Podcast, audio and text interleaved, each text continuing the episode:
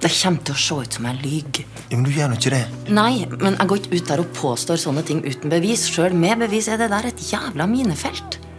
Hvorfor det? Nei, jeg tar karantenen. Det går bra. Og vinneren er Solveig. Heimebane! Heimebane, produsert av Nordlys Sist helg gjorde dramaserien Heimebane rent bord under årets Gullruten-utdeling i Bergen, med pris for beste mannlige og kvinnelige hovedrolle og årets beste norske serie. Det har aldri blitt produsert eh, mer TV-innhold enn nå i 2018. Bare i USA har det blitt laga over 500 serier i fjor, og på verdensbasis er tallet trolig flere tusen serier. Noen få av de her blir publikumsfavoritter, som heimebane. Men de aller, aller fleste gjør aldri noen stor suksess. I dag skal vi spørre oss om det finnes en suksessoppskrift som det er mulig å følge for å lage en hitserie på TV. Og i tillegg til det får du høre hvordan suksessen til Heimebane utrolig nok er bygd på oppskriften til 90-tallssuksessen Buffy the Vampire Slayer. Velkommen til Kurer. Jeg heter Lars Erik Ertsgaard Ringen.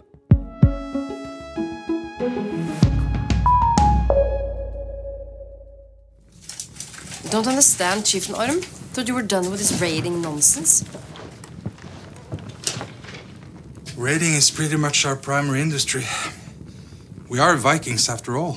How pathetic if our primary industry is stabbing people with swords and raping and pillaging. En av de norske TV-seriene som virkelig har gjort det bra de siste året, er Vikingene, eller Norsemen som den heter på Netflix, hvor den er en av de mest populære komiseriene. Her i Kurer hilste vi på Jon Iver Helgaker og Jonas Torgersen, som er menneren bak hitserien, da vi for noen uker siden laga et program om tospråklige TV-produksjoner. I dag spør vi de to om oppskriften til Vikingenes suksess. Flaks, timing og bra manus, tror jeg er, er greia. Ja, jeg tror ikke det er noe oppskrift i det hele tatt. Når det er så mange som prøver og kanskje tror de har oppskriften, så skal jeg ikke si at vi har det heller. Det var mer at eh, vi traff et eller annet som ja. Jeg, syns det som er eh, i hvert fall felles for alle bra serier, er at det er jo bra håndverk. Det er solid håndverk, og det er bra manus i bånn. Det føler jeg er liksom man, Klarer man å levere en, et bra manus på en bra idé, og sånn, så er det ikke verre enn det, si. Nei, jeg vet ikke. Er, altså, vi, alt har vært stang inn for oss hele veien. Så det er noe med det at eh, Det er sikkert marginer, men eh, vi har hatt liksom veldig flaks med alt fra kontakt med NRK, eh, skuespillerne vi fikk, stedet vi fikk filme. Altså arbeidet etterpå med musikk og Positiviteten fra NRK og eh, Kristina og Øyvind som backa eh, alt vi holdt på med. Altså, det er jo alle de faktorene der. At man har et veldig sånn medvind er jo veldig positivt på alle måter. Så Som du hører er flaks, timing og bra manus ifølge serieskaperne sjøl oppskriften på suksessen til Vikingene. Men denne formelen er lite konkret og vanskelig å følge. For hvordan skaffer man seg flaks, og hvordan er egentlig et bra manus? Og timing det handler vel mest om tilfeldigheter, det òg.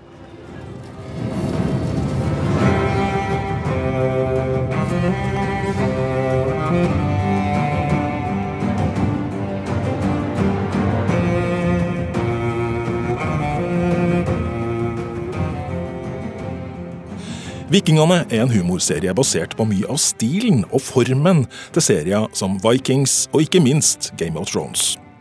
Hadde Vikingene blitt en like stor suksess uten at de her TV-seriene hadde et så stort publikum som de har? Det er jo veldig bra for oss at Vikings og Game of Thrones har gått uh, i mellomtiden, sånn at folk har en slags referanse på hva vi tøyser med. Sånn at uh, kunne kanskje hatt uh, suksess, men jeg tror at det er at det får mer suksess pga. de seriene vi, vi tuller med. da. Og så er nok ideen uh, vår også basert på at vi har sett Game of Thrones og Vikings, på en måte. Sånn at våre referanser er jo, kommer jo ut derfra også, sikkert. Så jeg tror alt, uh, alt spiller inn. Sesong to av Vikingene er allerede sendt på NRK her hjemme i Norge. Og nå er de utenlandske fansene svært utålmodige på å få se den nye sesongen av Norsemen, som den engelskspråklige versjonen på Netflix altså heter. Den skal snart ha premiere. Men planla serieskaperne Jon Iver Helgaker og Jonas Torgersen å gjøre internasjonal suksess? Egentlig så har vi aldri Vi har ikke skrevet noe fordi vi tror det skal passe noe sted. Vi har egentlig bare skrevet akkurat som vi hadde lyst til å skrive, og så har det heldigvis eh, resonnert eh, andre steder også. Vi har liksom ikke vært noe kalkulerte på noen som helst. Vi har bare gjort det som vi hadde lyst til å gjøre det.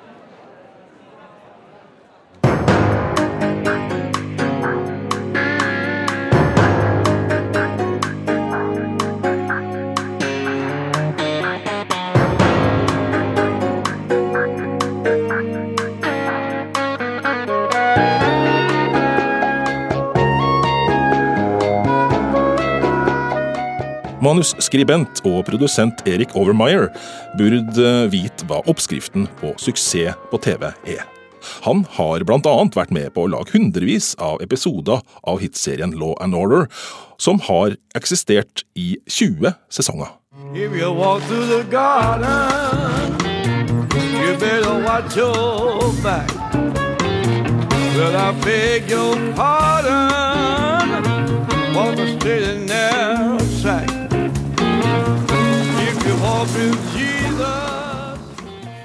Og han er en av dem som sto bak The Wire, som Rolling Stone Magazine har kåra til den nest beste TV-serien noensinne etter The Sopranos. En vurdering Eric Overmyer sjøl stiller seg bak. Um, well, that, that sounds about right to me. I, I would. Da Kurers reporter Kristin Norvoll Mork møtte den erfarne TV-skaperen, håpa hun sjølsagt på en tydelig oppskrift på suksess. Men svaret var nok rundere enn det hun hadde håpa på. Nobody really knows. You know, uh, casting is probably the the biggest part of it. If you get the wrong cast, you're sort of sunk. And the uh, the concept, who knows? I don't. I don't. I don't know for sure. Det å finne eh, riktige skuespillere er viktig, sier Erik Overmaier. Men eh, det stopper egentlig der. Is it maybe a mix of timing, hard work, and luck, or? Oh, absolutely. Uh, absolutely. I mean, you just described my career: timing, hard luck, hard work, and luck. Um, Når Kuré spør om det kanskje er en kombinasjon av timing, hardt arbeid og flaks som er oppskriften, svarer Eric Overmeyer at eh, det er beskrivelsen av hans karriere til nå. I tillegg til det mener han at tålmodighet er viktig, og bruker TV-serien Bosch, som han òg har vært med på å lage, som eksempel.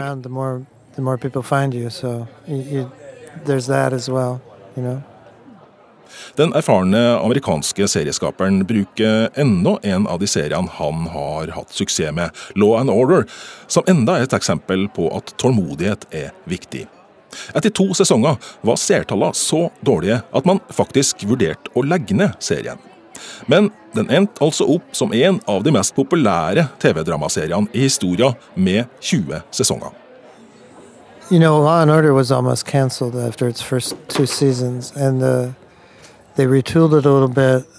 The network pressured them to to change some casting, then ended up on the uh, as one of the most produced, most popular shows that's ever been. So it almost died early on. You know, instead it went for twenty years. I did I did five seasons on Law and Order, 120 episodes, and that was a fraction of it. Som du allerede har hørt, har Eric Overmeyer vært med på å produsere The Wire, som av Rolling Stones Magazine er kåra til verdenshistorien nest beste TV-serie. Men hva var det som gjorde The Wire til en suksess? Well, the writing was fantastic.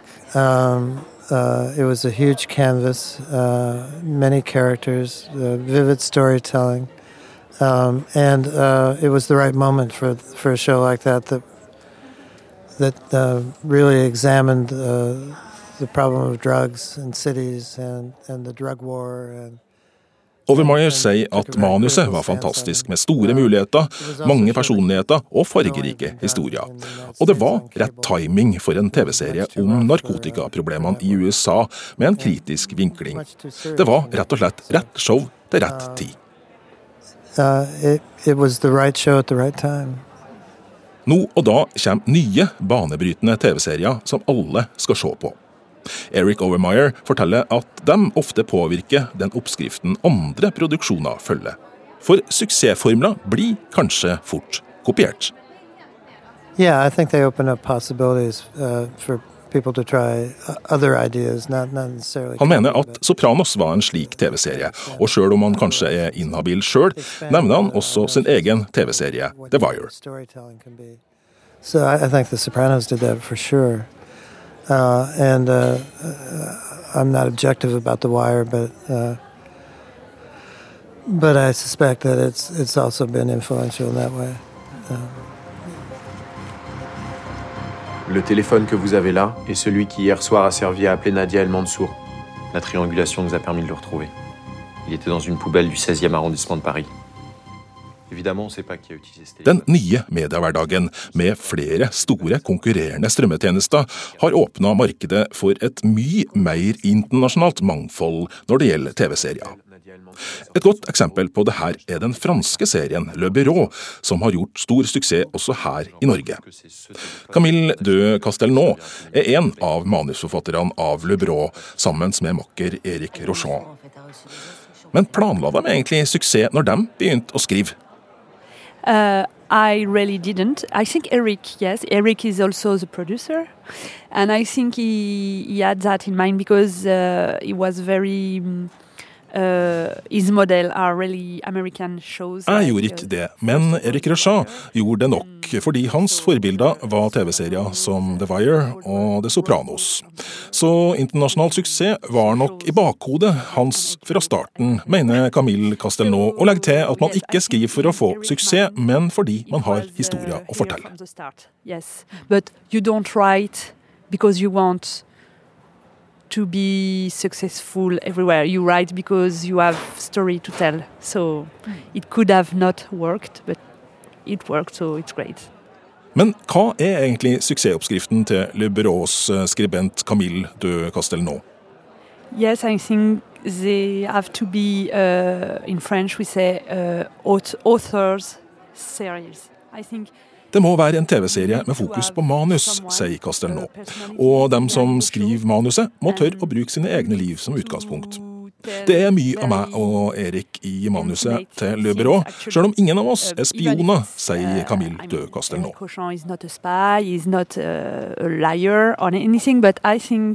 There is a lot of him on this show, and maybe a little bit of myself too. For å gjøre serien mer realistisk og kanskje gjøre det lettere for folk å leve seg inn, forteller Camille de Castelnau at hun var bevisst på at den kvinnelige hovedrollefiguren skulle være et normalt menneske med følelser. Hun ser ikke ut som en typisk spion.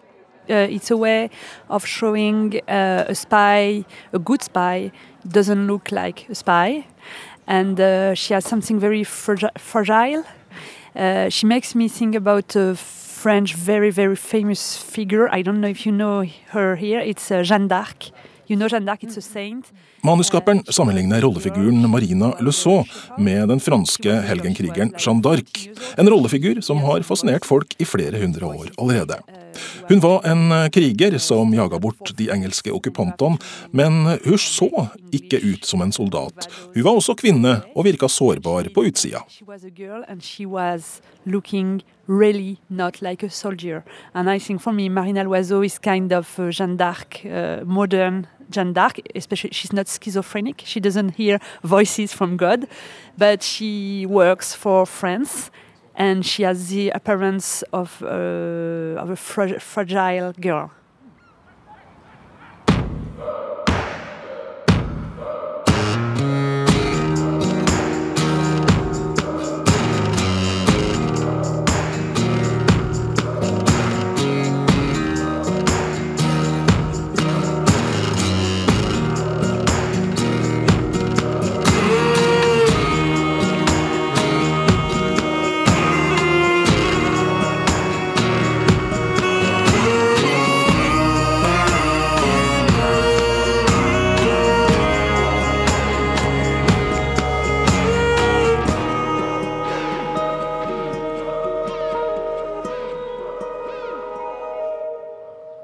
Her i Norge har altså NRK-serien Heimebane stor suksess akkurat nå. Sist helg gjorde den rent bord på Gullruten-prisutdelinga i Bergen. Serien handler om fotball. Men oppskrifta som har gitt serien suksess, er henta fra en populær TV-serie fra 90-tallet, som kanskje er så langt unna fotballklubben Varg og Helena Mikkelsen som det er mulig å komme.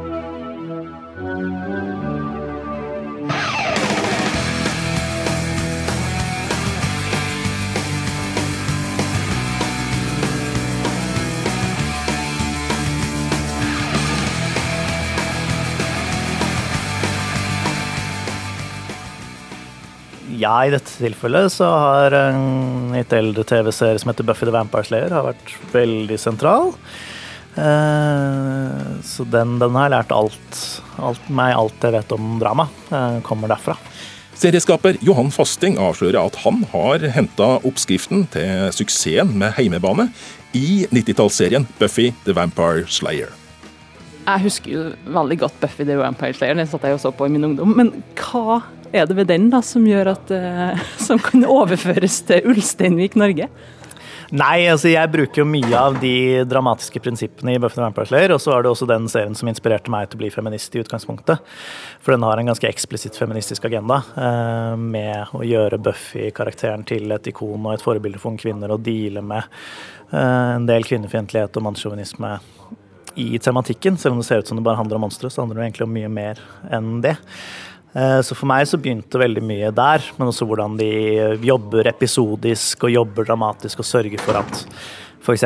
sesongfinalene har så mye emosjonell punch som overhodet mulig. Eh, det har vi jo prøvd å etterape eh, med, med, med heimebane. Altså, ja, den episodiske dramaturgien. At hver episode skal kunne stå litt på sine egne bein og ha en egen tematikk og et egen, egen problemstilling som skal løses i løpet av de minuttene. Sånn at man får får tilbake episoden litt, da, har vært et mål for oss. At mange moderne TV-serier er bare en ti timer lang film. Og vi ønsket å liksom sørge for at hver episode hadde en identitet.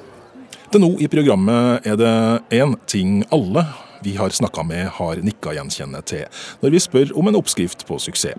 Og det er timing, hardt arbeid og flaks. Johan Fasting mener også at det høres ut som en god oppskrift å starte med. Eh, nei, den oppskriften du leverer der, er jo en god, god oppskrift, det. Eh, for min del så har eh, jeg vet ikke, For meg og Vilje, da, som jobber ganske tett med dette, så er jo filmskolen vært veldig sentral. Vi kommer jo rett ut av filmskolen og gjør den produksjonen her. Så det TV-seriekurset de hadde på Den norske filmskolen da vi gikk der, det var helt fenomenalt bra. Alt vi lærte der er jo ting vi har brukt inn her, så det kan jeg anbefale god, god utdanning. Eh, det har hjulpet oss i hvert fall. Så ja, å se Vi har sett enormt mange TV-serier og er veldig liksom, klar på hva slags TV-serier vi elsker. Eh, og så prøver vi å kopiere dem så mye som mulig, da, og lære av dem og prøve å nå de høydepunktene som de når.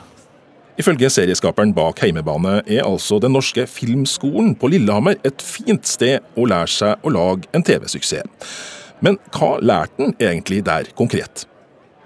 Ja, konkret eh, Det er jo Vi lærte hele det de, Den filmskolen la inn i det kurset, var egentlig hele den modellen som den danske dramabransjen bruker. Eh, hvordan de utvikler TV-serieprosjekt fra A til Å. Det var mye da manusutviklingen at man på en måte Hva slags ideer man ser etter, og hvordan man utvikler manus. Eh, det var liksom den viktigste delen av den prosessen. Da. Eh, at man må se etter en arena som kan gi historier. Eh, en viktig del av det at man, sånn som fotballen, da. der kommer det nye historier inn, for det kommer nye mennesker inn på den arenaen hele tiden. Enten det er motstandere eller nye spillere. Ja, og hele, hele prosessen derfra å skrive hvordan man skriver en pilot og setter alle brikkene på plass, og hvilke forskjellige typer piloter man kan skrive og sånn. TV-serieekspert Asbjørn Slettemark tror det viktigste suksesskriteriet til heimebane er at historien i TV-serien forteller om mennesker mange av oss kjenner oss igjen i. Det er ikke pga. at den handler om fotball at det er en suksess, at nordmenn er interessert i fotball.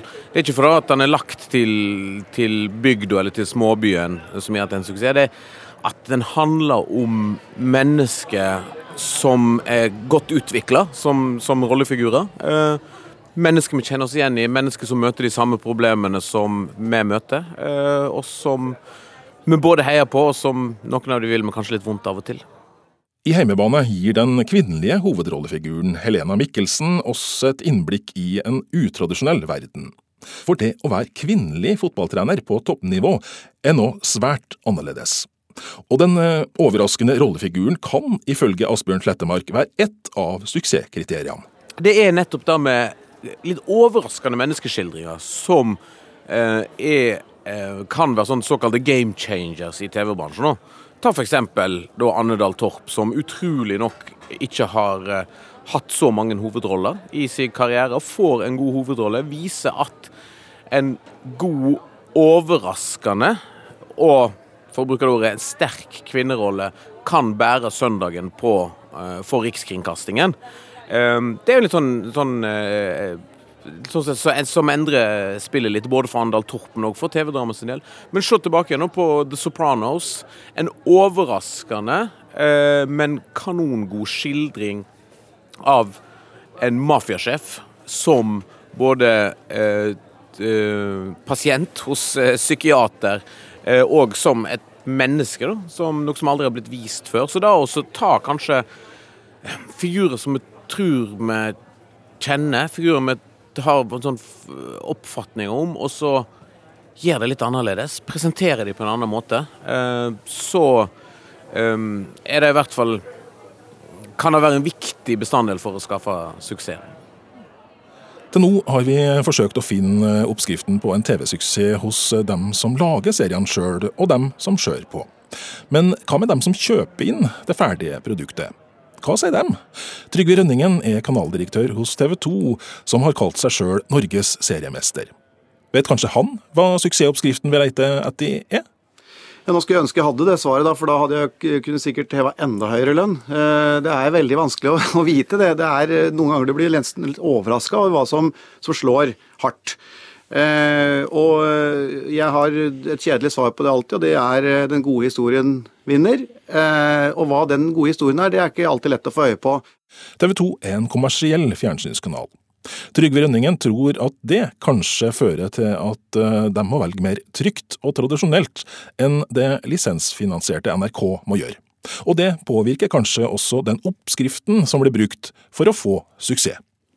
Ja, Det er i hvert fall sånn at Faren for at man skal mislykkes, den er jo ikke så veldig uh, overhengende i NRK. fordi de, dette her, uh, I dette huset tikker jo inn noen milliarder kroner uansett. vi må gjøre oss fortjent til de penga i form av høye seertall. Eh, og I det så ligger det også at man kanskje ikke tar så stor risiko, eller kan bruke så lang tid på å utvikle nye ting, fordi man, man trenger å ha bærekraft, bokstavelig talt. Vi, vi trenger å, å, hente tilbake investeringene våre i, i faktisk eh, reklameinntekter. Så, så, der er vi nok litt ulike, og, og det hender jo jeg misunner NRK og deres mulighet til å kunne sitte på laboratoriet sitt og skape nye ting. Eh, vi skal være veldig glad for det, at NRK kan gå foran på, på det området, men, men det vil nok komme oftere et skam fra NRK enn det vil komme fra kommersielle kringkastere. I dag forsøker Kurer å komme fram til suksesskriterier bak en populær TV-serie. Men kan man egentlig bare følge en oppskrift og få suksess? Vi stilte spørsmålet til postdoktor Gry Rustad ved Universitetet i Oslo, som forsker på temaet. Det spørs hvordan du definerer suksess, tror jeg. Uh, hvis du definerer suksess ut ifra seertall, uh, så kan man nesten gjøre det. Ikke alltid, selvsagt, men ganske ofte så ser man uh, at de seriene med de høyeste seertallene er ganske like. Altså, de tilhører gjerne kjente og kjære sjangre, som for eksempel krimserien. Um, og de er ja, hva kan man si? De er kanskje ikke så veldig spenstige, men de er gjerne vellagd sånn innenfor det veldig sånn tradisjonelle, kjente, velprøvde TV-serieformularet. Eh, hvis du definerer suksess som et slags At det skal være et fenomen, at det skal skape noe nytt, at det skal bidra til å forandre hvordan vi ser TV på, så er det jo helt andre kriterier, og det er det ganske vanskelig å um, ha noe mal på. Altså, da handler det mer om å ha de riktige kreative menneskene som er smarte og flinke og få lov til å ha frihet til å utfolde seg. Sånn som eksempel med Skam, da. Det er jo et veldig godt eksempel på en serie eh, som riktignok også for så vidt hadde seertallene, men eh, som det ikke var meningen at skulle ha det, men så ble en suksess likevel, fordi uh, de som lagde Skam, fikk lov til å ha veldig mye kreativ frihet, frihet, og uh, de som lagde Skam, var utrolig flinke og, til å tenke innovativt, da.